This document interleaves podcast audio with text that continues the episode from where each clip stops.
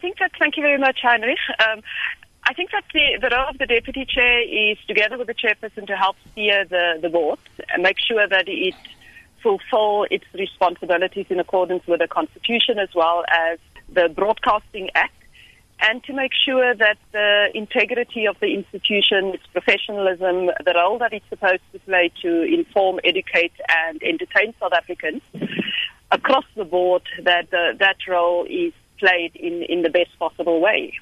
In jou onderhoud as raadslid by die parlement het jy lank gepraat oor jou agtergrond as iemand wat sê nou maar by jeugontwikkeling betrokke was, maar nêrens kan ek onthou dat jy iets gesê het oor wat spesifiek jy dink jy bekwam vir hierdie nuwe rol nie.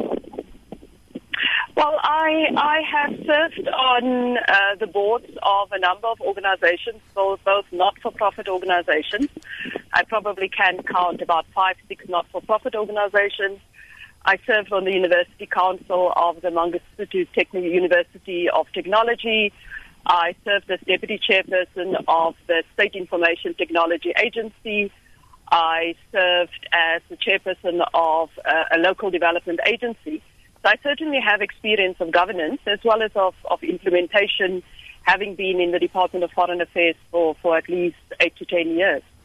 Het jy in jou agterkop enige spesifieke groep of saak wat jy verteenwoordig of dit nou vroue of feminisme is of dit nou die brein gemeenskap is waar dit jou familie kom of die progressiewe bewegings waarvan jy al vir jare deel is? I think that the, the, the first thing that, that as a board member I represent is all South Africans. I think that that's the foundation of our constitution that South Africa belongs to all who live in it. But also, second, my um, contribution will also be based on, on, on my values and beliefs. I'm a feminist. I've always been one. And I do believe in the, the importance of, of the emancipation of women. I've always been very committed towards the issues of children and young people um, and to the, the position of all South Africans. I think that there is a historical injustice towards black people and by black I mean uh, African, coloured, and Indian, and therefore um, to make sure that the broadcaster represents all of South African communities in their diversity. En ook as daar dalk 'n diskrepansie is tussen hoe die onderskeie groepe wat jy nou genoem het as deel van die swart sambreel verteenwoordig word. I think so. I think that that as a as a public broadcaster we have to be conscious of those issues. And some, some of them came to the fore during the editorial policy consultations where certain groups or communities feel that they were not well represented or adequately represented. And I think that as a, as a board and as a public broadcaster, we have to listen to people and make sure that it is addressed. En jy het nou nou verwys na jou werk by die Afrika Unie. So daar word gesê jy's dalk te na aan Dr Nkosazana Dlamini Zuma as ANC presidentskandidaat. I've worked with Dr. Dlamini Zuma when I was ambassador and she was foreign minister as well as a deputy chief of staff at the African Union Commission. I certainly um, have worked with her and has respectful, great respect for her.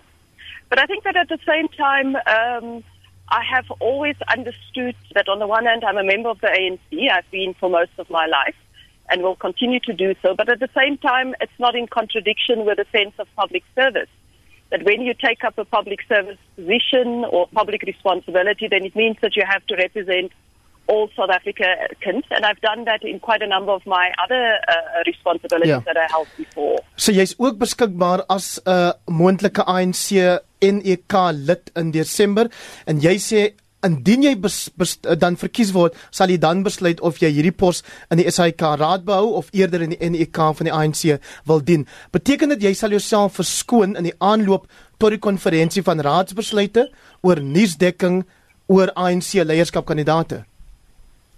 Well, what I have to do is firstly to, to make the decision, and I think it's a decision that I need to make pretty soon about whether I will make myself available as a candidate for the National Executive Committee or not.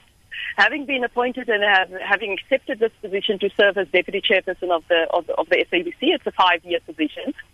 But I, it's, it's also a question of that, that if you look at my track record, when I was appointed as a senior public servant at the African Union Commission, I declined nomination at the 2012 December conference of the ANC because I didn't think it was possible to fulfill both roles. I, I would imagine that within the next couple of days or so, I will have to make the decision and make it clear whether I am available to stand or not, having accepted this position.